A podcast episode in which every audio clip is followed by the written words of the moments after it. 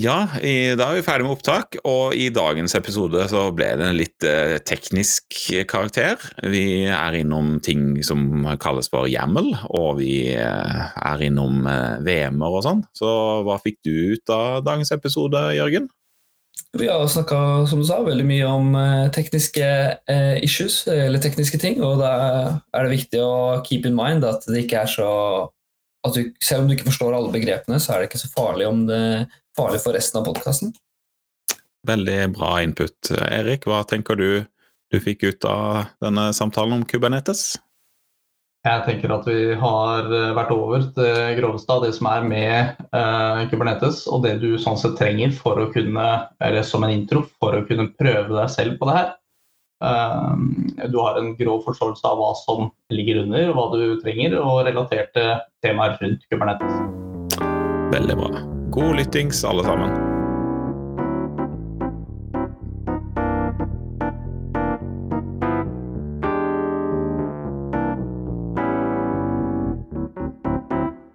Velkommen til dagens episode av Egderøret. Podkasten som vi i Egde holder for oss egder og sånne som oss. Og vi har snakka om eh, Vi har hatt episoder om DevOps tidligere. Vi har hatt episoder om eh, containere. Men eh, det vi ikke har dedikert en hel episode til tidligere, det er Kubernetes. Og det har vi ikke lyst til å bare dedikere én episode til, fordi det er et veldig stort tema som vi kommer inn på her. Men la oss begynne litt sånn med begynnelsen. Med oss i dag så har vi tre stykker, meg inkludert, som har brukt siste siste stunden på å bli enda bedre på Kubernetes. Noen hadde litt mindre utgangspunkt enn andre. Uh, og noen hadde litt erfaring med det fra før. Uh, men vi kan jo begynne med en liten uh, runde rundt dette virtuelle bordet. For, for, lytteren så sitter vi da på hvert vårt hjemmekontor i en som oppleves som en uendelig lockdown her i Norge.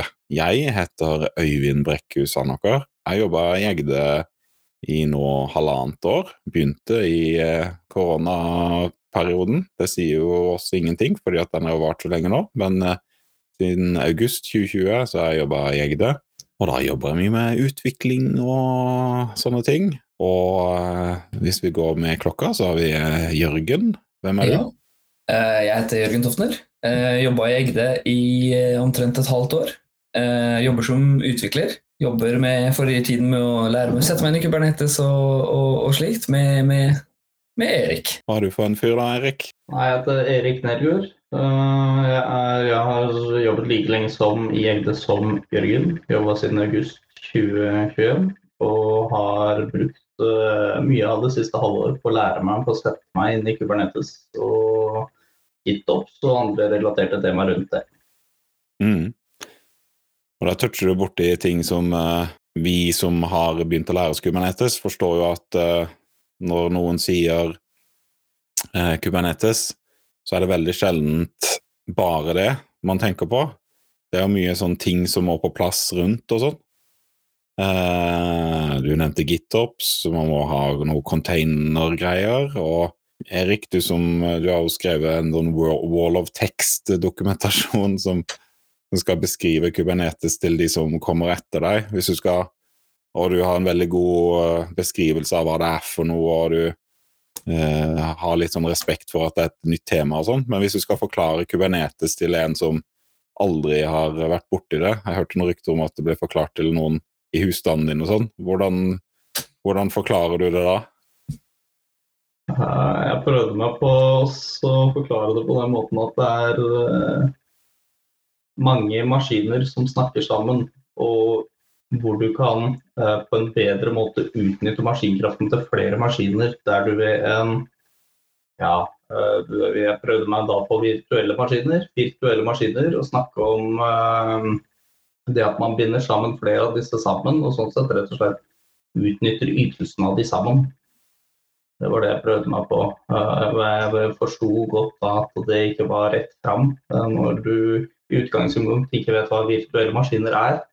Uh, men uh, det var nå utgangspunktet. Så gravde vi dypere i, det, i materien etter det. Ja. Uh, hvis, du skal, hvis, du skulle forklart det til til en utvikler, da? Hvordan ville du kanskje ordlagt det annerledes da? Noen som har litt sånn kunnskap til virtuelle maskiner og sånn? Ville du kalt, gjort det samme?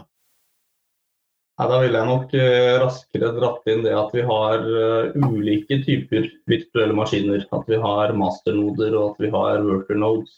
Og at eh, masternoder styrer worker nodes. Og at, ja, at det er utgangspunktet. Og at vi ønsker å automatisere hvordan disse jobber sammen. Mm. Og at vi ønsker å lage en kunne bruke ulike miljøer. Der vi har QA, vi har E2E og vi har staging og prod. Til å kunne uh, enklere uh, dytte opp, dytte ut nye versjoner av applikasjonen. Mm. Sånn vil jeg ordlagt meg da. Ja. Når du har, du har blitt Både du og meg, Jørgen, har blitt utsatt for den der skrivegleden til Erik av dokumentasjon og sånn. Ja, det stemmer.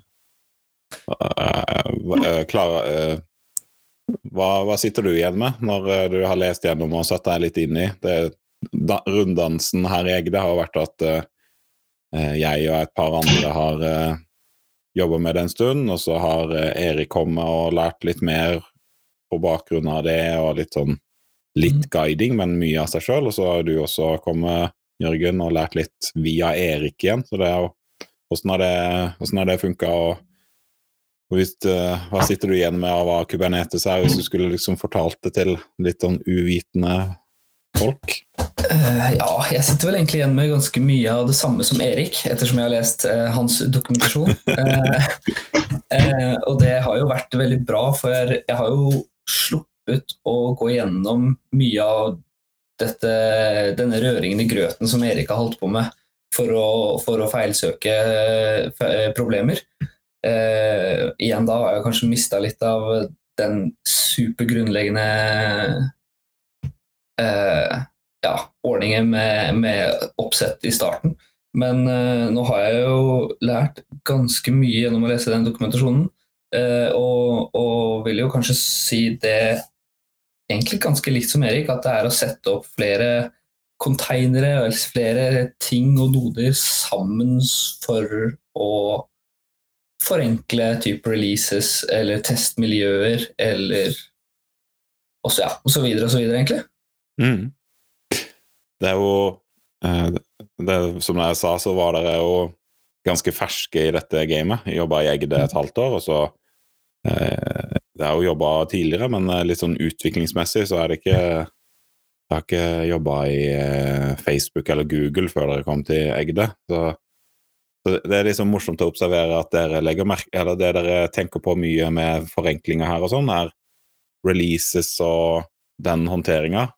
Men uh, det jeg tenker på mye rundt Kubernetes, er jo denne, uh, denne slags supercomputeren du kan sette opp, hvor du får veldig god ytelse som du kan eh, skalere horisontalt. Altså når du setter opp en ny maskin, så bør ikke skalere opp en maskin, altså putte på noe mer ram og sånn, fordi at du har jo lagd applikasjonene dine sånn at du eh, passer på å, at de kan skaleres med å putte på mer maskiner, ikke, ikke utvide de du har.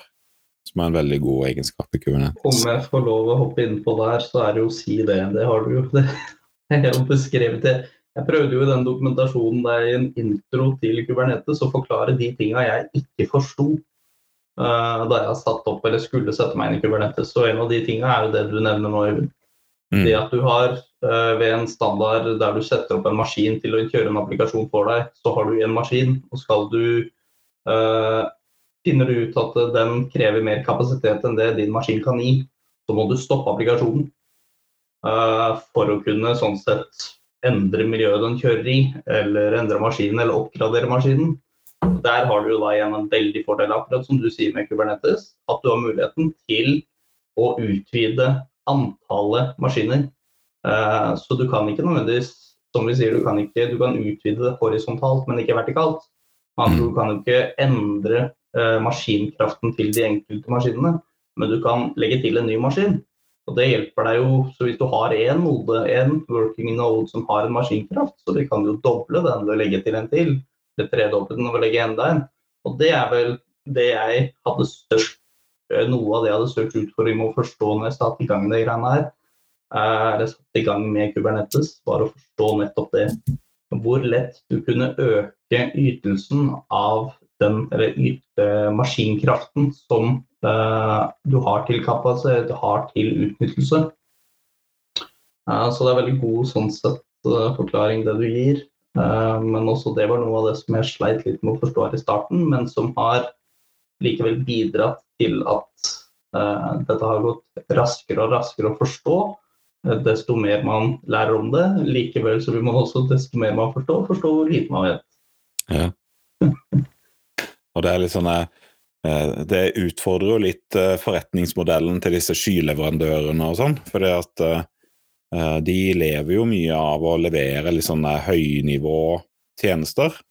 Sånn som database som en tjeneste, Reddis Cache som en tjeneste, VM-er som en tjeneste, er jo ikke så vrient å levere. fordi at det er det um, egentlig ganske lett å sette opp. Men hvis du har en litt sånn der, komplisert tjeneste som du bare med et trykk på en knapp kan få opp, så, så, er de jo villig til å betale litt mer for det. Så for eksempel Asher, da, med sånn horisontalt scaling, de har jo eh, en tjeneste som de kaller Asher Container Instances, eh, som du nå kan eh, bruke Du har et Kubernetes-cluster, og så kan du putte på det de kaller en virtual kubelet. En kubelet er det som snakker med Kubernetes-clusteret. Kan du putte på det og skalere videre ut med å bruke Asher-tjenestene, ikke lage en ny VM. Så det, det er litt sånn morsomt hvordan eh, hvor, hvor, riktig en sånn Kubernetes-greie uh, føles når du når du ser at uh, de, de cloud, store cloud-leverandørene begynner å endre sin nesten forretningsmodell, eller i hvert fall tjenestene sine, sånn at det passer inn i et sånt løp. Da. Vi har jo litt uh, vi har jo litt sånn intern uh, humor og litt sånn sjargong, men uh, det som tydelig kom, det som kom veldig tydelig fort, da, var jo at å kunne Kubernetes involverer jo nesten bare å sitte og lese Jamel? Hvor gode er dere på å lese Jamel? Nei, vi er ikke bedre enn Jammelkongen. Jammelkongen er Øyvind, men det kommer er dere gode på, Har dere blitt gode på inventering? Det er veldig fint med automatikk i ideen for å løse det. Men bedre, ja. Men eh, for det var litt sånn uh, overraskende for meg at uh, man Har du sett det at masse memes og sånt rundt Kubernetes og dette med hvor, hvor tett bundet det er til hjemmel? Men jeg, hadde aldri trodd at det var så at det var så spot on, de memesa som gikk på hvor godt du må kunne hjemmel, altså. Men det er også litt Eh, sånn avhengig av hvordan du velger, du, men det er jo da over i GitOps-gata her, da. Eh, men når du kommer over på disse, på det å skulle installere mer GitOps-løsninger, hvor du bruker det som heter Helm Package Manager, eh, så er det jo litt avhengig av også. Det er veldig tett bundet opp mot YAML-filer, særlig sånn som vi setter opp eget. Mm. Men du kan unngå det i noen grad ved å bruke For det er ulike måter å installere GitOps på, som vi har erfart i løpet av det siste halvåret.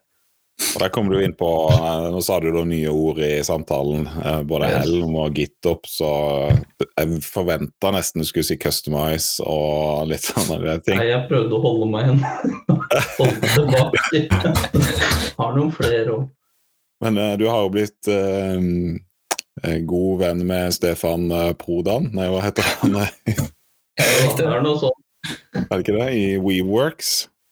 Har du lyst til å fortelle hva, hva, hva, hva Flux og Eller uh, Jørgen, hva er, det du, hva er det du har fått lært av Erik om uh, Stefan Prodan og WeWorks og Flux og sånn? Hva, hva er det han har prøvd å innprente deg på der? Nei, det er vel at han er Gud. At han, Stefan følges, ja, at han skal følges til enhver tid, hvis mulig. Uh, gjerne, gjerne, egentlig bare se hvordan han har gjort det. gjør det samme. Ja.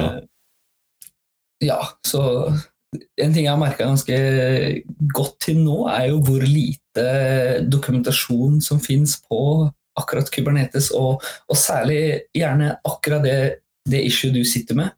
Det er vanskelig å finne noe om på nett. Og det, det, gjør det jo litt vanskeligere, hele greia med å lære seg Kubernetes, da, ettersom uh, du basically må skjønne feilmeldingene selv. Uh, eller i mitt tilfelle høre med Erik om han har vært borti det før. Mm. Eh, men det er jo på en måte også litt kult, da, for at du Ja, det gjør det litt vanskeligere. Noe som for meg i hvert fall er litt mer utfordring og, og litt mer spennende hvis man klarer å løse det selv da, på en rar måte. Mm.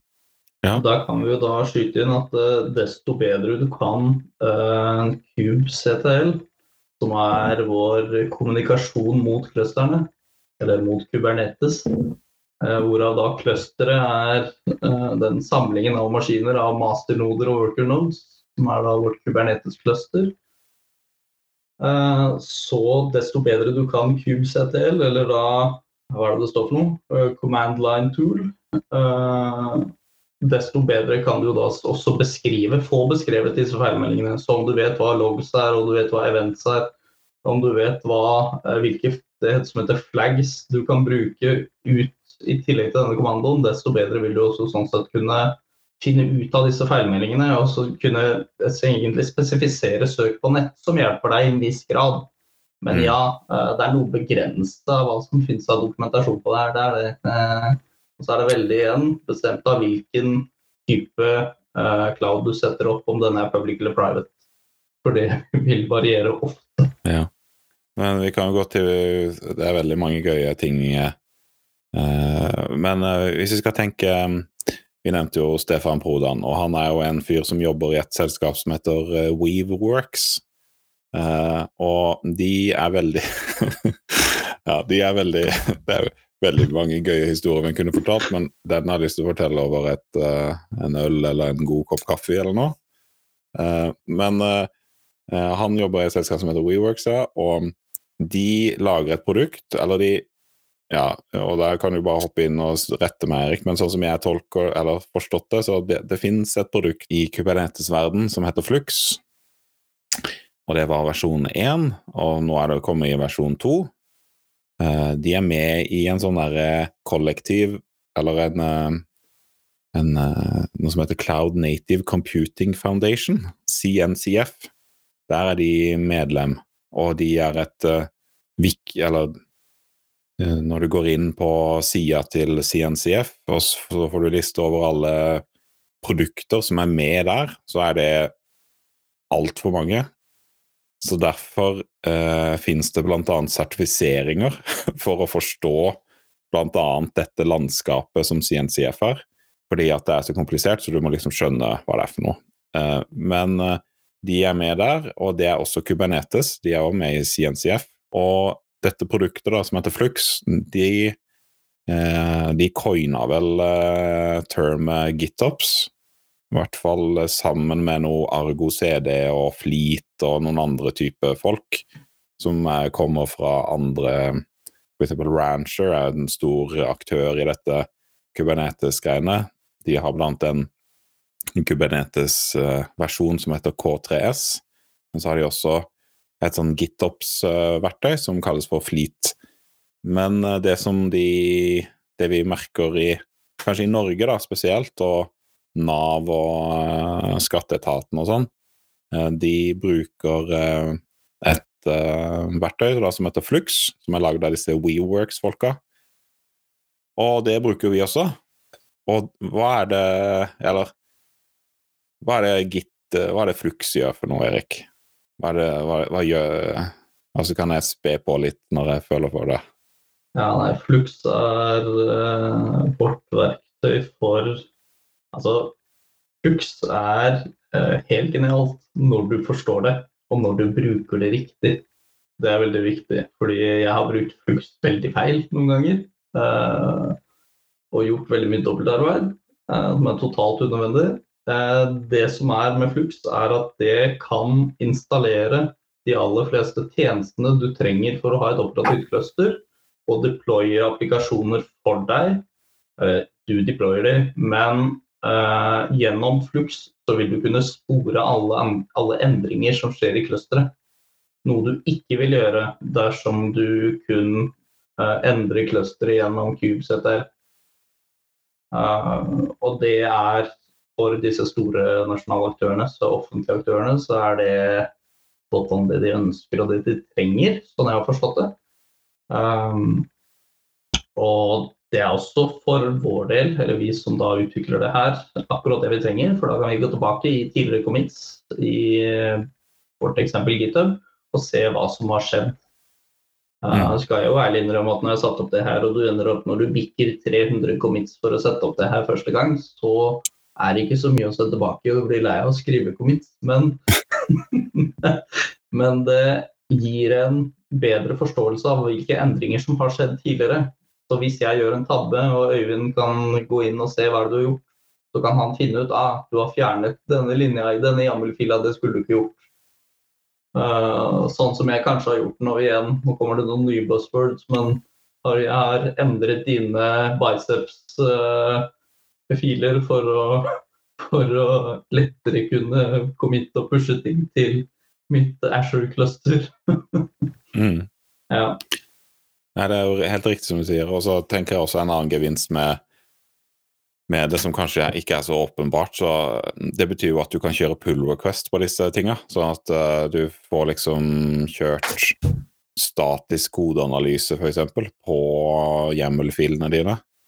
Uh, og du kan teste om de, oppfører, om de ville oppført seg riktig da, når du kjører de ut mot et cluster og sånn. Så det er veldig veldig morsom greie at du kan kjøre en pull request på de endringene. Du kan til og med kjøre det lokalt, applye de lokalt, og så se om det oppfører seg sånn som du forventer. For det er jo Da kan vi gjerne dra inn Jørgen her. Eh, du også leser jo mye av den dokumentasjonen som finnes på internett. Når vi sitter og leser hvordan sette opp Kubernetes-clustere, så er det i stor grad så er det basert på at du skriver er veldig mye av Kubernetes og oppsettet rundt GitOps handler om at du bruker det som heter Helm. Det som er da en sånn package manager, som er et uh, for så vidt repository på nett hvor du har ulike typer tjenester som du kan installere i da, uh, Kubernetes. Også som du bruker et verktøy som heter Helm for å installere. Og Veldig ofte så kommer vi borti den kommandoen som heter Helm install. Har du, vært noe, har du noe erfaring med det? Det er vel ikke det vi bruker så veldig mye? Vi starta jo med å bruke det.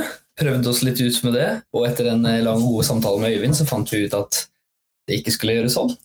Eh, at det kanskje var bedre å bruke disse customize-filene og Flux til å sette opp og ned det vi trengte, ved å bare basically kommentere det ut i, i Visual Studio Code.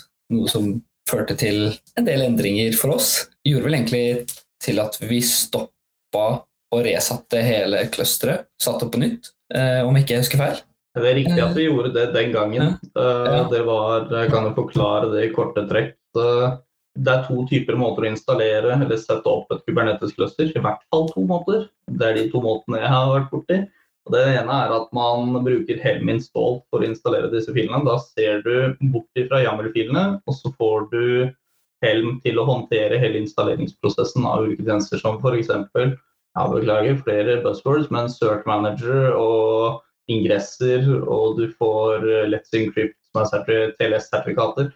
Uh, du installerer disse tingene gjennom Helm. Det er den ene metoden. Den andre er å bruke Flux, som er det absolutt prefererte. Og det er gjennom at vi uh, lager YAML-filer, setter opp YAML-filer, og så committer vi det til eh, vårt repo, og så får vi flux til selv å installere de.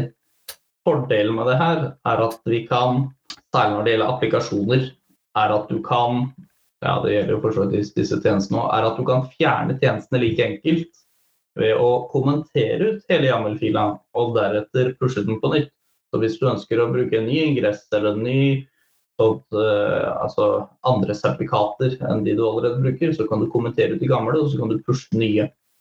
Eneste som er viktig her, det er å gjøre disse tingene i riktig rekkefølge, som du fort erfarer når du begynner For, å, for, for, når jeg sitter og hører på du prater nå, Erik, så høres det veldig lett ut å bruke Flux. Jeg vet ikke, Har det vært tilfellet? Det er veldig fint å si. Det, det, det har sine kan vi kalle det motbakker. Nei, det, er, det har sine utfordringer når du ikke gjør ting i den rekkefølgen de skal gjøres. Og du setter deg inn i det greiene her første gang, da vil du jo selvfølgelig møte noen utfordringer. Det er ikke Nei. Ja, det er feil å si at det er veldig enkelt. Det er utfordrende, men for at det skal være litt gøy, så er det fint at det er litt utfordrende også. Så lærer du mer av de feilene du møter på underveis. Så det har hjulpet oss veldig, i hvert fall i oppsettet av det her. Ja. Og en ting, en ting, du sa som jeg føler vil, vil, understreke at det er veldig viktig, da, er dette her med å sette det opp i riktig rekkefølge. Og vente på at ting faktisk har blitt deployed før du setter i gang noe nytt. For at, eh, hvis ikke så, så, har vi erfart at det kan komme en del eh, problemer. Eller skape en del problemer. Jeg tenker vi, vi, er ikke, vi er jo ikke Google når det kommer til Kubernetes. Så vi har jo ikke den kompetansen som de har. Så jeg tenker at uh, uh, neste steg må være å få, få skikkelig inn uh, hvordan vi gjør det med avhengigheter. Sånn, være strikte på at vi prøver ikke å gjøre noe før den tjenesten faktisk er skikkelig oppe, og lage noen sånn prober inn for å finne ut om man ikke bare er running, men han kjører som han skal og sånne ting. Og det er nok mye magi inni det det kan vi jo si at der kan vi jo dra inn dette som heter Customize, og Stefan Brodan en gang til. Eh, som er vel det jeg tidlig fant ut at dette er genialt, la oss begynne på det her. Og så skjønte jeg ingenting. Men eh, nå som vi har skjønt mer av det, så er dette med dependencies særlig en ting som vi bruker i oppsettet når vi kjører cluster. Uh, vi sier bl.a. til de applikasjonene vi dytter opp i clusteret, at ingenting kan kjøre før vi både har en ingress og vi har et sertifikat klart. Uh, jeg har flere ganger da også erfart det at det, det kjører ikke. Jeg får, uh, jeg får feilmeldinger om at det kan ikke starte fordi vi har ingress, Nginx er ikke klar. Uh, Manager kjører ikke det den skal. Uh, og det hjelper på, for det gjør at den feilen som jeg selvfølgelig da leter etter, den ligger ikke i min applikasjon. Den ligger ikke i hvordan jeg har deploya den. Jeg kan uh, utelukke problemer mye lettere ved å bruke dependencies. Mm. Det er jo sånn sett en grunn, særlig når du snakker om GitOps, til å bruke Customize. Fordi den vil forenkle den prosessen med dependencies. Kan jo dra litt uh, historie om Customize. da. Customize er jo et verktøy som før, og sånn er det ofte i Kubernetes-verden, du har en sånn ting på utsida som uh, noen lager, og så er det et standalone-verktøy en veldig lang periode. Og så er det så godt brukt i Kubernetes-miljøet at uh, nå, når du skal kjøre denne Dette er egentlig en sånn command line-interface for å kombinere flere YAML-filer og kan overskrive verdier basert på noen regler og sånn. F.eks. hvis du har et prod-miljø og et utviklingsmiljø, så kan du bare med å passe inn litt, eller referere noen andre filer og sånn, så kan du overskrive innholdet i eh, andre filer med det du med noe annet, da. Sånn at du kan lage nye miljøer relativt eh, lett.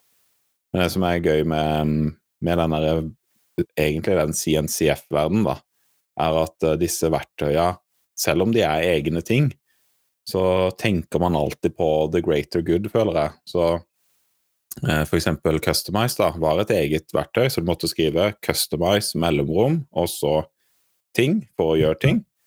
Men nå har det blitt bakt inn, så det er jo Erik, du nevnte jo dette Cube CTL, eller Cube Cuttle, eller Cube Control. Det er den samme, bare forskjellig uttale, samme navnet. Så hvis noen forteller Jeg bruker, liker å si Cube Cuttle fordi at det høres litt koselig ut. Så Cube Cuttle skriver du, altså mellomrom minus K, og nå er du da i Customize og kan sende inn eh, eller referere andre, f.eks. en katalog som har en customization-fil, for å eh, sette opp et mer komplekst eh, Eller overskrive litt hjemmelfiler og sånt. Det er veldig, veldig morsomt hvordan, hvordan det økosystemet her er så eh, mottagelig for sånne ting. Og ikke bare mottagelig, men adopterer det og baker det inn i disse verktøyene. Og der har vi også igjen Vi drar inn Flux på nytt. Og Flux samarbeider veldig godt med Customize. Så i våre oppsett så gjør vi nå sånn at vi får Vi bruker Flux til å lete etter Customize-filer. Og vi får Customize til å gå til undermapper og undermapper og undermapper og se etter hva vi ønsker å kjøre. Og vi kan løse det med hva vi ønsker å kjøre veldig enkelt ved å kommentere ut de customize-filene. Det vi ikke ønsker at skal kjøres her og nå. Og så kan vi Altså- på den måten igjen ja. Nei, det er bare gøy å eh, hører dere si det. Begge to har sagt kommentere ut. men, eh, men det er jo bare slette det. Det er jo i gitt. Men eh, jeg skjønner hva dere mener. Men, eh, men ja, vi kan fint bare kommentere det ut, da. Men eh, dere må bare slette det. Det er jo i gitt, da. Det er jo derfor vi bruker GitOps. Fordi at vi har versjonskontroll på noe så viktig som en konfigurasjonsfil. da. Men eh, dere må bare slette det. Det er jo i gitt. Vi kan slette det, men for øyeblikket er jeg veldig glad i store filer med masse grønn tekst. kan jo bla det hele litt tilbake og så si noe om For å få et operativt cluster, så kan du jo fortelle litt om hvilke hva som faktisk kreves i clusteret for at du skal kunne gå på en internettside, og du skal kunne koble deg til, og det skal kunne komme noe opp.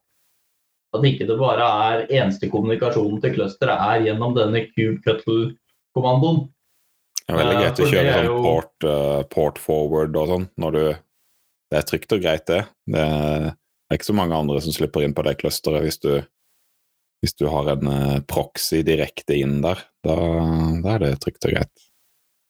Og det er jo også sånn at du må jo ikke ha et Asher-cluster for å kjøre opp det her. Det er også en greie, så Introen til Kubernetes for egen del var uh, det som heter Kind, og det som heter Minikube. Uh, og jeg finner jo nå i mine config-filer når jeg bytter clusteret på egen maskin, at jeg har stadig både det ene og det andre kjørende på min maskin. Uh, så oppsettet for hvis du vil sette deg inn i det her, så må du ikke ha noe operativt oppe i en sky.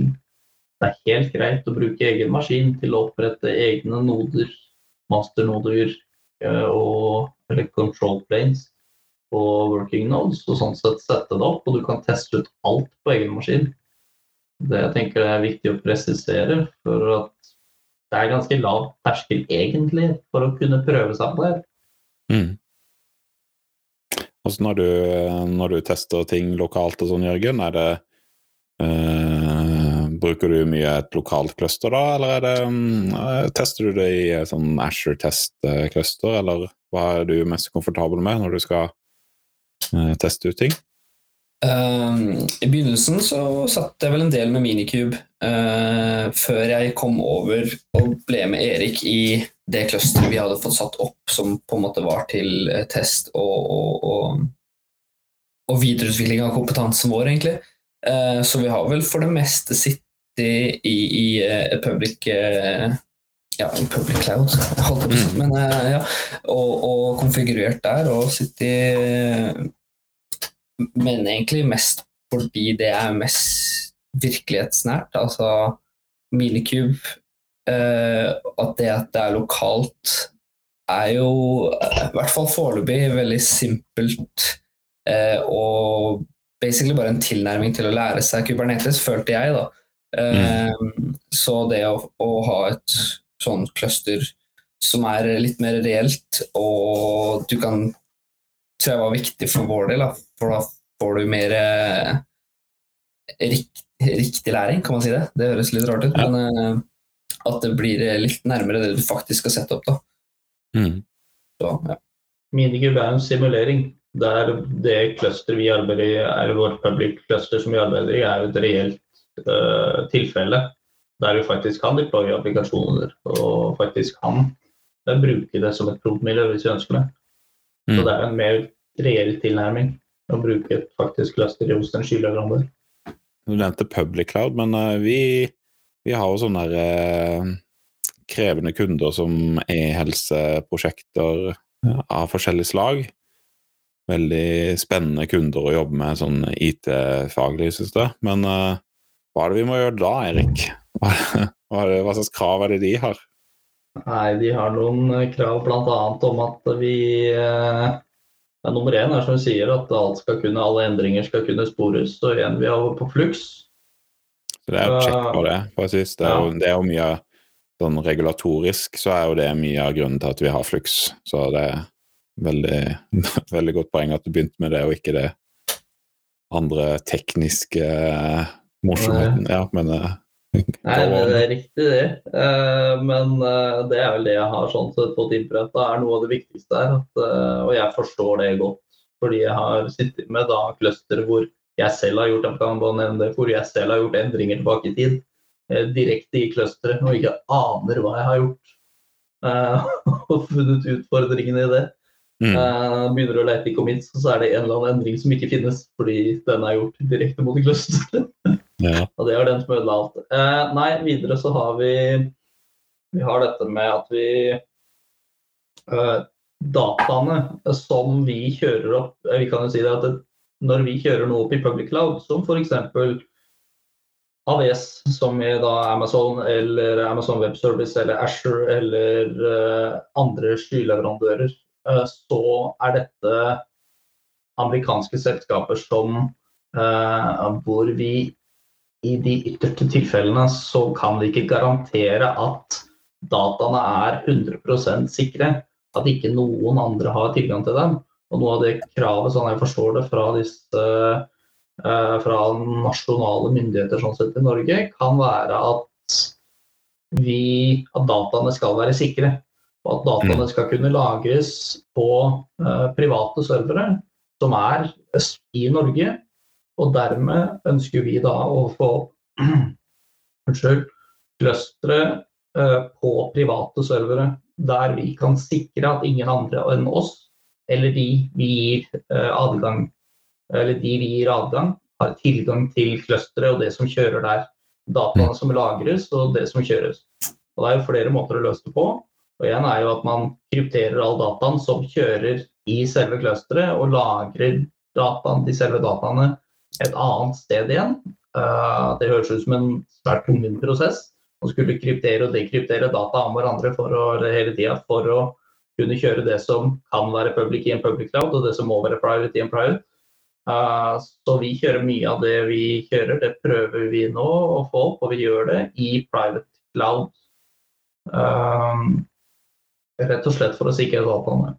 Da kan jeg jo si det at til og med det med å kryptere og sånn, eh, og kalle på ting og kryptere det liksom in transit eller at rest, sånn at du eier den krypteringsnøkkelen, ifølge NSM så er ikke det nok, det heller. For det at du eh, Du eksponerer jo da en del uansett. Altså når du da skal stole på den Asher-leverandøren, og hvis du har når du initierer krypteringshandshakes og det greiene, så ja, du lekker data da som da den leverandøren kan få tak i, og som gjør at eh, de underliggende systemene har tilgang på de nøklene. Og så forferdelige ting å tenke på alle de sikkerhetsgreiene, for det betyr at du eh, må virkelig passe på sakene dine, eh, sånn i ytterste konsekvens. Men ja, unnskyld. Jeg tenkte... Nei, nei, men det er jo spot on. Og det er jo fint uh, med det innspillet. For det var jo igjen ikke noe jeg ikke var klar over. At uh, igjen, det er et problem. Og det går jo igjen opp at vi kjører ting i private cloud for å kunne sånn sett sikre dataene. Og der har du jo også, og vi kan jo si det at det er noen utfordringer, skal vi kalle det, Jørgen, ved å sette opp eh, bl.a. ingresser. Flere ingresser i et uh, private cluster kontra public, hvor du i et public kan bare gå inn og opprette nye IP-adresser, men hvor det ikke nødvendigvis er like enkelt i et private cluster. Hvor ikke GUIN, eller da brukergrensesnittet ditt, som i f.eks. Asher-portalen, er like enkelt i et private cloud. Ja, i private cloud. Vi kan jo nevne det at Eh, det, det, vi har eh, til nå, i hvert fall, det er jo at vi har en leverandør i Norge som eh, tilbyr noe som kalles Asher Stack, som er en, en, Eller en boks som er sertifisert av Microsoft, og så kjører han programvare som heter Asher Stack oppå den, som gjør at du får en veldig lik eh, portal eh, tilgjengelig som den som er Public Asher, hvor du da kan lage ressurser, og du kan eh, konfigurere den. og eh, liksom Du får de Asher AD-opplevelsene med tilganger og sånn, sånn som du forventer. Jeg bare tenkte det er det vi i hvert fall til nå har. Og så har vi noen uh, Raspberry Pis på vei, men det alle andre i hele verden skal også ha Raspberry Pis.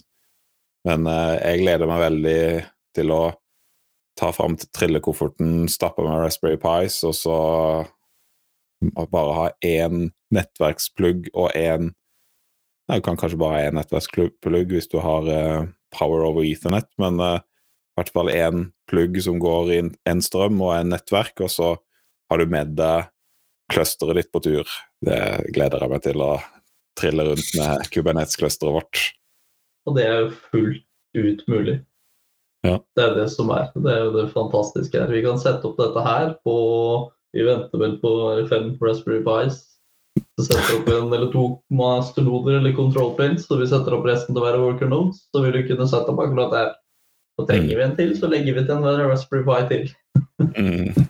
Eh, men hvordan var liksom forskjellen da, å sette det opp i private eh, cloud kontra public cloud? Var det eh, Flux funker på samme måte og sånn, eller? Jørgen, har du lyst til å ta ordet her? Du har vært med på reisen fra start med private cloud. Ja, mm, jeg husker det første vi måtte gjøre, er jo å finne en måte å prate med eh, med clusteret på uten å være inne i clusteret, om det gir mening. Vi måtte jo SSH oss inn, bruke SSH-nøkkel. Og uh, arrestere meg hvis jeg sier feil, men hvis vi Når vi gjorde endringer der da, så var vi jo på en måte mastere uh, og satt direkte i og gjorde Litt usikker på hvordan jeg skal forklare det her, men og gjorde endringer direkte på som master. Eh, mm. Noe som vi ikke ønska, eh, og gjorde at vi måtte skape en Eller fikse sånn at vi kunne sitte utenfor eh, på eh, lokal maskin og, og, gjøre endringer derfra gjennom Flux inntil clusteret. Erik, yes. var det riktig? Lov, ja, for så vidt. Ja. Om jeg får lov, så kan jeg bare si at Public Cloud, eh, når vi snakker med Asher Public Cloud, så, snakk, så logger vi oss inn i clusteret gjennom å uh, bruke Asher CLI, Asher Command Line Interface. Uh, og Da bruker vi AZ-login-kommandoen, og så gjør vi de fleste Så kommer vi, vi finner clusteret i Asher gjennom denne Asher uh, Command Line. Eh, da er vi inne i clusteret. Vi sitter fortsatt på vår maskin, men vi kommuniserer jo da hovedsakelig med clusteret gjennom Cube og så eh, etter hvert Flux. Og det er riktig som du sier, at når vi først kobla oss opp på private cloud, så er det akkurat som du sier, vi måtte SSH oss inn. Eh, og fikk root-tilgang. Vi fikk master-tilgang til clusteret og satt og gjorde konfigurasjoner direkte i denne virtuelle maskinen. Eh, noe som ikke er veldig god praksis. Og det ærlig innrømme at det var der jeg starta, og egentlig ikke helt visste hvor jeg skulle gå, før jeg fikk eh, beskjed av Øyvind her om at uh, dårlig praksis, du må komme deg ut. uh, du skal ikke gjøre sånn. Og det har vi også erfart at det er ikke så veldig lurt. Det er lett å gjøre noe feil, og gjøre noe feil inni root så må du også fort uh, resette den virtuelle maskinen. Og det er ikke det Det bør du liksom slippe, da. Det er ikke helt det du skal holde på med. Så enkle forklaringa her er at uh, vi har en fil liggende i vårt lokalmiljø på vår lokalmaskin når vi snakker med clusteret, som heter .cube. Inni denne fila så ligger det config-filer som har public og private keys som du Eh, kan bruke for å koble deg opp mot clusteret. Um, og ved å kunne gå inn i den virtuelle maskinen, som var en Pride cloud, så kunne du gjøre det som automatisk skjer når du snakker med public og snakker med Asher. Vi kunne hente ut disse nøklene manuelt, legge de inn i vår eh, lokale .cube-mappe og config-fil. Og på den måten eh, begynne å kommunisere med clusteret gjennom CubeCTL, CubeCuttle, og etter hvert da også Flux. Så vi kopierte det Asher gjør automatisk for oss, på en manuell måte i private. Det var hovedsakelig forskjellen. Deretter var det ganske mye av det samme. Sett bort ifra at vi ikke kan nødvendigvis gå inn i Asher-portalen og bare opprette tjenester eller ressurser på samme måten som i Asher Portal. Det var noe mer endring der, særlig knyttet til bl.a. public IP-adresser. Men det er hovedsakelig forskjellen på kommunikasjon og oppstarten med private og public cloud. Men vi fikk det til, og vi har også dokumentasjon på hvordan vi gjør det. Ja, det er jo det som er så gøy å høre når eh, Jørgen sier det husker jeg ikke, men det er jo fordi at du skriver for detaljert dokumentasjon, Erik. Du eh, overlater ingenting til tilfeldighetene. Det er veldig morsomt. Ja, men da høres det jo tålelig likt ut, da. Så uh, det høres ikke så skummelt ut. Og så setter jeg opp et sånn privat uh, ja, privat sky høres jo helt tullete ut en, som ord i seg sjøl, for det er jo bare en server en plass. Og så blir det en sky fordi at det er gøy å kalle det en sky. Men ja, sette opp en server som hoster Kubernetes, da. det høres jo ikke så skummelt ut. Det er ikke så skummelt. Særlig ikke etter du har skapt den cube kettle-tilgangen. Mm. Da er det svært liten forskjell på arbeid i det og arbeid i public cloud. Mm. Og det er fint. Eh, og Det var gøy at du nevnte f.eks. sånne ting som Let's Encrypt og Cert Manager og disse tinga. Det er jo eh, Det er også et sånn godt eksempel på Kubernetes-verden. At eh, det er jo ikke ting som egentlig er så veldig I hvert fall deler av det er ikke så veldig bakt inn i Kubernetes.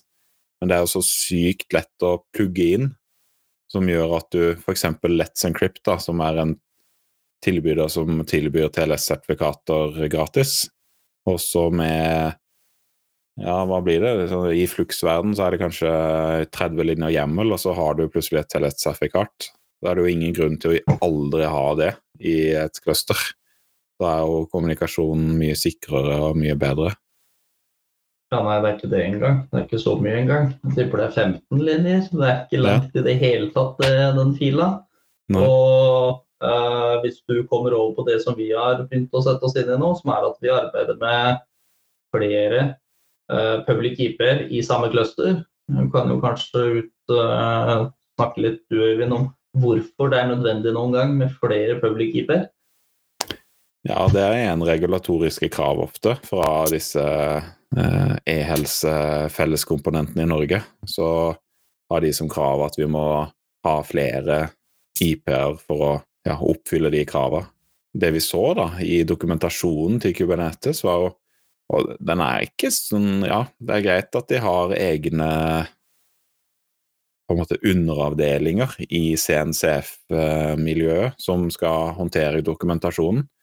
Men akkurat de der casene som går litt på utsida av happy-pathen, sånn der eh, for eksempel flere, eh, flere IP-er, da, og hvordan du håndterer eh, Let's Encrypt da, eller eh, ja, alle disse tinga, jeg syns ikke Ja, jeg syns det er fint kunne opprette en eh, pull request inn til de og contributa litt dokumentasjon inn der, fordi det, det kunne være hakket bedre. Du ser nærmere spør om forskjell på name og class når du snakker om HTTP 01 solvers. Så det er veldig teknisk, men, uh, men vi har nå hatt vår utfordring knytta til de to. ja. Og det er det som er litt sånn kinkig, da, når du når du begynner, og så skal du liksom eh, prøve å finne ut av Ok, nå har jeg satt opp clusteret, og så skal jeg gjøre én liten endring. Skal legge til en ny IP. Den skal, den skal lytte på denne, dette navnet, eh, altså denne DNS-en, DNS, DNS-en. Og så bare finner du ikke noen eksempler på det. På hvordan det er håndtert. Det er, veldig, det er jo litt snodig. Men da har vi jo også det at uh, Ja, nei, men det er riktig, det. Vi fant ikke noen eksempler på det. Det står forklart, det står forklart i tekst. Men det er veldig vanskelig når ikke du vet. For det, vi fant jo ut av det her etter hvert, at når du først hadde fått det til riktig og begynte å lese igjen det du hadde lest tidligere, så viser det seg ah, ja, men der står det jo. Men problemet er når ikke du vet nøyaktig hva du skal søke etter i tekst, og det står på tosiders dokument midt inni, så, så er det litt vanskelig å vite hva er det du, hvordan gjør du egentlig dette. Mm. Uh, nå har vi jo løst det her, uh, men vi kan jo si at den største utfordringen, eller det du sånn sett lærer mest om, eller har lært mest om, jeg har lært mest om i hvert fall, eh, det er å finne ut Det skjer jo endringer. Jeg husker ikke hva det er 1.23 som er siste versjonen av Kubernetes, eller er det nyere enn det? ikke Jeg har ikke, jeg har Det ikke, fått, siste jeg har ikke, vært, i hvert fall. jeg har ikke vært på løpetur og fått med meg den siste podkasten fra Google, Kubernetes-podkast. Nei, ja. Jo da, som- 1.23, ja. Med, det er Ray Lejano som er uh, release team lead. Ja, det er vel siste jeg brukte, og da erfarte jeg det at uh, 1.22, som var forrige jeg brukte, der var det noen endringer. Uh, Der var det da selvfølgelig sånn at de hadde da De endrer jo på ting. De endrer på hva som er lov å gjøre i disse YAML-filene, bl.a. Uh, mellom de ulike Kubernetes-versjonene. Og det er jo også sånn sett rot til noen utfordringer underveis. Hvorav du plutselig ikke lenger får lov, f.eks. Og ja, hva var det jeg gjorde for noe? Uh, eller hvor det Annoteringer. Står, Riktig. Annoteringer. Hvorav det vi brukte som annotering for å få ingresser til å fungere i utgangspunktet, det viste seg at ville fungere, men ville slutte å fungere om noen versjoner av Kubernetes. Og det er jo igjen Da må du rette det med en gang. Du kan ikke risikere at det vil slutte å fungere i framtida. Mm. Og I tillegg til det så er det jo en annen praksis som også burde følges, følges veldig nøye opp her, og det er jo at du nevner i dine jammerfiler hvilke versjoner du bruker av noe. Fordi plutselig skjer det en vital endring i en applikasjon, og Flux eh, gjennom Helm eh, henter den nyeste versjonen, og vips, så er det noe som funka før, som ikke lenger funker. Mm. Eh, Ja, det er, ja, det er veldig viktig. Det husker jeg skatteetaten er helt uh, meganøye på. At du alltid, alltid ikke bruker latest på, Ja. på taggene dine. Det er godt forståelig.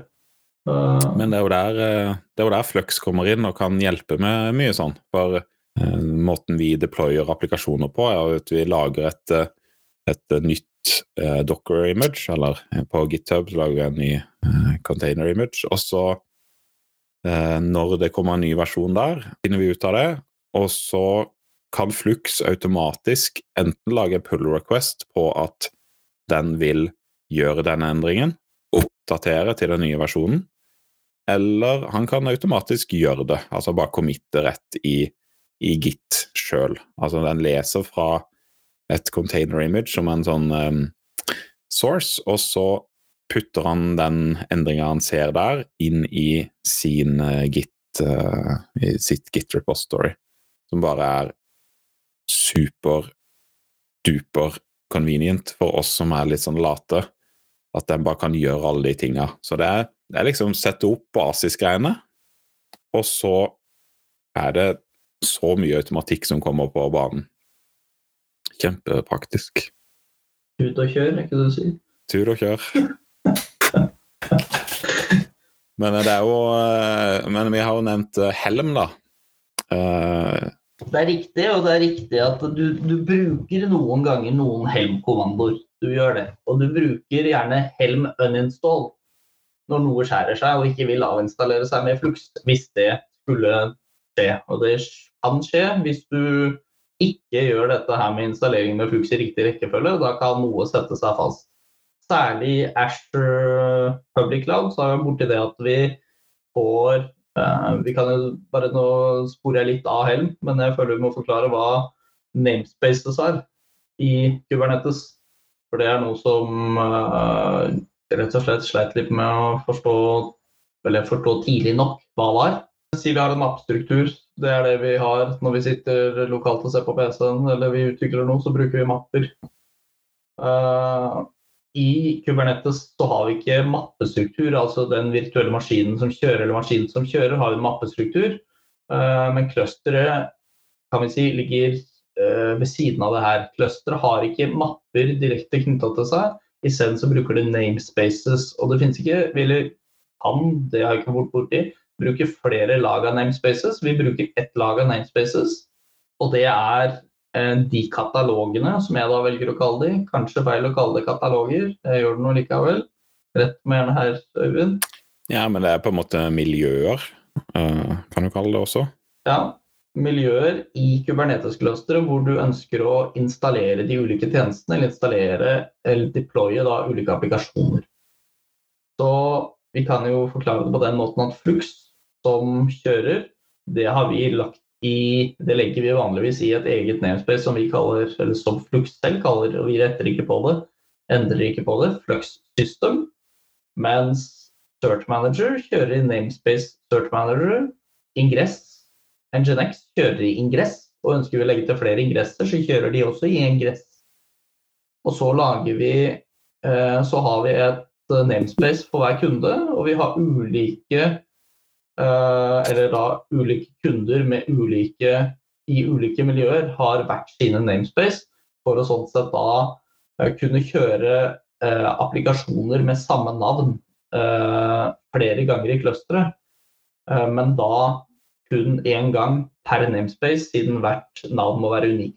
Så hvis vi kjører ABC, AS, et eller annet i Eller si vi har Nei, jeg vet ikke. Sier vi har e-helse, da, for den saks skyld. Sier vi har et e-helseforetak, Tano, eh, som vi skal ha kjørende applikasjoner i. Så har vi e-helse1 som kjører i KUA, og så har vi e-helse1 som også kjører i um, E2E staging og prod.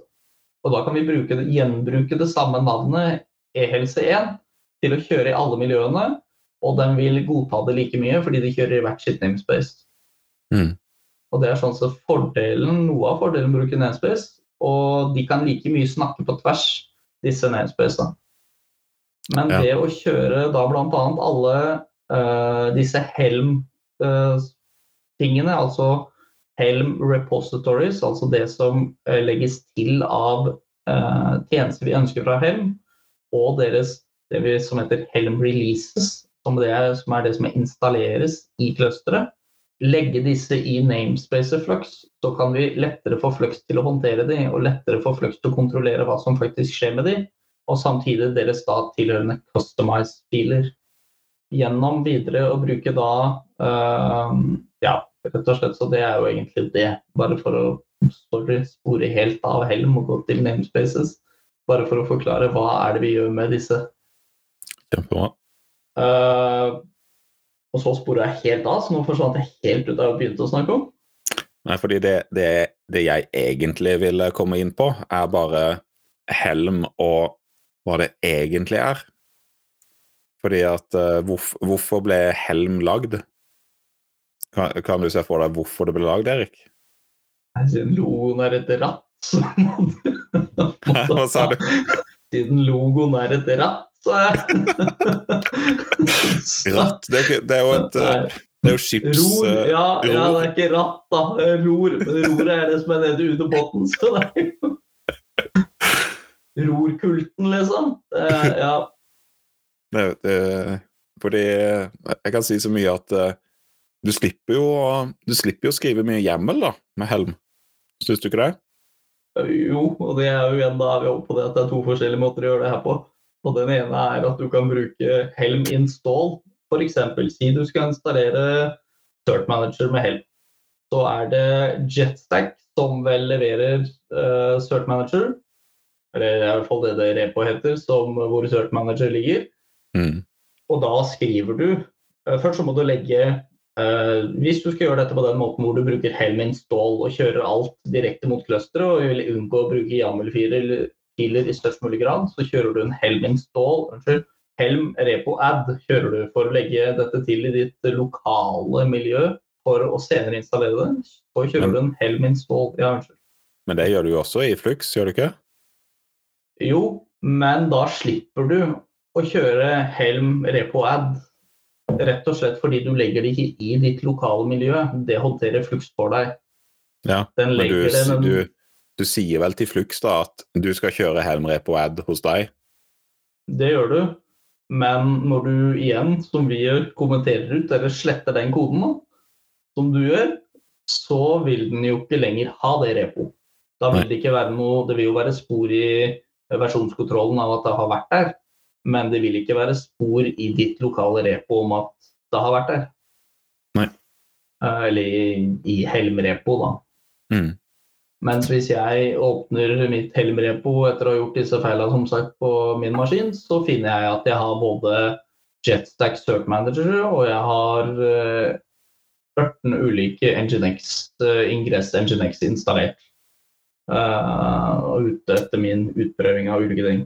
Men med Helm install så vil du jo da, som du sier, Flux vil gjøre det samme for deg. Uh, men du kan velge å enten legge de til og installere med Helm install, sånn sett alle filene. Eller du kan få Flux til å håndtere hele den prosessen, som jeg absolutt vil anbefale. Mm. Når Helm kom på banen, eh, så kan dere jo se for dere nå, ikke sant, når dere skal f.eks. lage Search Manager, så gjør dere jo det med Helm. Eh, hvis dere skal sette sånn som vi gjør, og vi installerer jo ofte eh, disse mm, eh, tjenester som Postgres og Redis og ja, Search Manager vel også via Helm, eh, men du går jo an å gjøre det med med hjemmel. Men da kan dere se for dere hvor stor de der hjemmelfilene ville vært. fordi at det er jo sykt mye ting som må stilles inn der. Så det som Helm jo, ø, gjør, egentlig, er jo bare Her er all eh, hjemmelen du skal skrive, men du trenger bare skrive Helm install. Det er jo ganske praktisk. Det blir jo litt sånn mer ø, synlig hva som faktisk eh, skal gjøres. Er det der du da vil eh, kunne dra inn eh, CRD-er? Custom Resource Definitions? Ja, men de Ja, det vil det jo til en viss grad. For der er det jo mye av konfigurasjonen. Vi kan jo si at eh, selv om du skal prøve å unngå å kjøre Helm install når du gjør det her, hvis du gjør det på GitOps, etter GitOps-metodikk, praksis, så er det fortsatt én kommando du er nødt til å kjøre i uh, direkte i clusteret. Det er flere. Du må kjøre de for å lese hva som faktisk finnes i clusteret, og for å lese logs. De kjøres direkte, men dette er jo ikke noe hvor du redigerer, hvor du endrer noe. Du bare ser hva som finnes. Men det er én du må kjøre, og det er Flux-kommandoen. Flux må installeres direkte i clusteret, men vil spores fordi den, opp, den kobler opp ditt repo med eh, clusteret. Og sånn sett vil det være den initialiserende flux. Ja, endringen som skjer. Og den, da vil flux gjøre det som en egen commit. Mm. Men det er jo viktig å sånn sett påpeke at selv om du skal prøve da gjennom denne GitOps-metodikken å unngå å kjøre ting i kommandolinja, så er det fortsatt det du må kjøre. Mm. For å bare installere Flux med YAML, det Nei, det går ikke. Nei. Det går det er, jeg, har, jeg, har, jeg har ikke testa det sjøl, men eh, jeg har sett noe sånn han, uh, Stefan Stefan han har vel dokumentert et eller annet rundt uh, Terraform, har ikke? Jeg syns jeg så noe at det gikk an å installere det via noe Terraform-ting. Jo, du kan installere, virker det som. Jeg har ikke utforska det noe ytterligere, men Nei. Ja, vi bruker jo Terraform for å sette opp disse clusterne i utgangspunktet. Mm. Uh, men det er jo en litt mer uh, den in, uh, Hva skal vi kalle det? Infrastructure as code, er det ikke det det heter? Uh, delen. Den trenger vi kanskje ikke å gå mer inn på nå. Det den, du trenger ikke den for å kunne sette opp et cluster. Nei, og det er jo mye det du eh, på en måte legger fra deg når du går mot Kubernetes. Så setter du mer opp i Kubernetes enn i infrastructure as code-verden. Eh, så det er veldig lite egentlig som skal gjøres der. Det, det kan jo være at det blir noe mer på oss eh, når vi skal um, f.eks. begynne med veldig mye lagring av data for e-helseprosjektene og sånn. Kan det jo være at du må sette opp mer disker og sånn. Men, eh, og IP-er burde vi også tracke godt i, i Infrastructure as Code, sånn at vi vet hva det er snakk om. Men eh, det er liksom de derre tinga rundt, da. Og så har du Ja, du setter jo postgress eh, lokalt eller internt i clusteret, og sammen med alle andre tjenester du trenger. Så det er litt sånn annen mindset. Du sier jo noe der som er veldig viktig, det som er med public keeper. Eh, og måten å sette disse opp på. På måten vi setter de opp på i public cloud, det er at vi går inn i Ash-portalen og setter opp. Mm. Det finnes flere måter sånn sett å sette de opp, og en av de er faktisk å kjøre Helm install Nginx. Uh, eller Ingress Nginx. Uh, viktig, må, viktig for de som er nye til det her, å ikke blande Nginx og Ingress Nginx. Det, det har jeg brukt noen uker på å forstå en gang. Uh, veldig viktig at vi kjører Ingress Er en veldig Uh, god podkastepisode du må høre på det. Fra, igjen fra de her podkast til Google. Der uh, har de besøk av de som har lagd det. forteller, forklarer så godt at de Jeg tror det er spanjoler er opprinnelig. Det er også en ting jeg har sluppet å, sluppet å sette meg inn i, ettersom Erik har påpekt det ganske, ganske bastant fra start, at uh, det er ikke det samme. Ikke se på det. Det har vært veldig greit. Ja. Det er uh, helt enig. Uh, du er jo en uh, Du er jo en eh, Hva kan det kalles, da? En Flisespikk... Eller eh, du spisser budskapet og graver og graver, Erik. Så det tror jeg har vært veldig praktisk å komme etter deg eh, og få de beskjedene ganske eh, tydelig og greit, ser jeg for meg. Vi får håpe det fungerer til sin hensikt. Så at andre slipper å gå i de fine fellene jeg har gått i før det. Men jeg tenker vi har vært innom en del sånne eh, overordna temaer i Kubernetes-verdenen nå. Og så gleder jeg meg veldig til eh, kanskje bare en uke eller to, eller en dag. Og så eh, føler dere at eh, vi har mye mer å dele. Fordi det er liksom når man har liksom det fundamentet på plass i Kubernetes Som du sier, liksom når du kan gå i kubectl og kjøre en kommando for å lese loggene, eller for å se events eh, som skjer i et cluster, så er det liksom sånn derre Ah ja, så det skjer. Jeg lurer på hvorfor det skjer. Hva er dette etcd, for eksempel, som vi snakka så vidt om? Eh, hva er, eh, hva er K3S? Det er jo ikke K8S. Så ja, litt sånne ting da som man fort uh, kommer borti når man uh, begynner å touche litt sånn i overflaten. Før vi runder av, hva, hva, hva står på tapetet deres nå videre? Er det, er det public, nei, private cloud som er mest utfordring uh, videre nå, eller? Det er vel oppsett av både Redis og PostgreSQL eh, i Private Cluster. Mitt, Erik? Vi har vel kommet godt på vei med Redis. Nå har vi den til en liten sjekk hos Øyvind her. Eh, Men eh, persistent volume claims og persistent volumes det er vel det som eh, står på agendaen for en bredere forståelse av. Og så er det vel etter det at vi venter igjen på dette Raspberry Pi, disse Raspberry Pi-maskinene som kommer, og at neste utfordring blir vel faktisk å sette opp et cluster på de noe som er fullstendig uavhengig av en skyleverandør. Og Om Mm. vi da bruker eh, K3S eller om vi bruker K eh, Kubernetes, det får vi jo da se på. Men eh, jeg ser fram til den utfordringen der, ja. Mm. Ja, det blir gøy.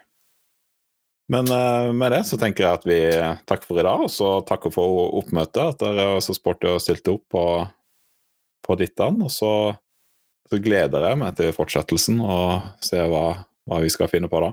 Takk som fikk være med. Ja. Takk for meg. Ha det godt.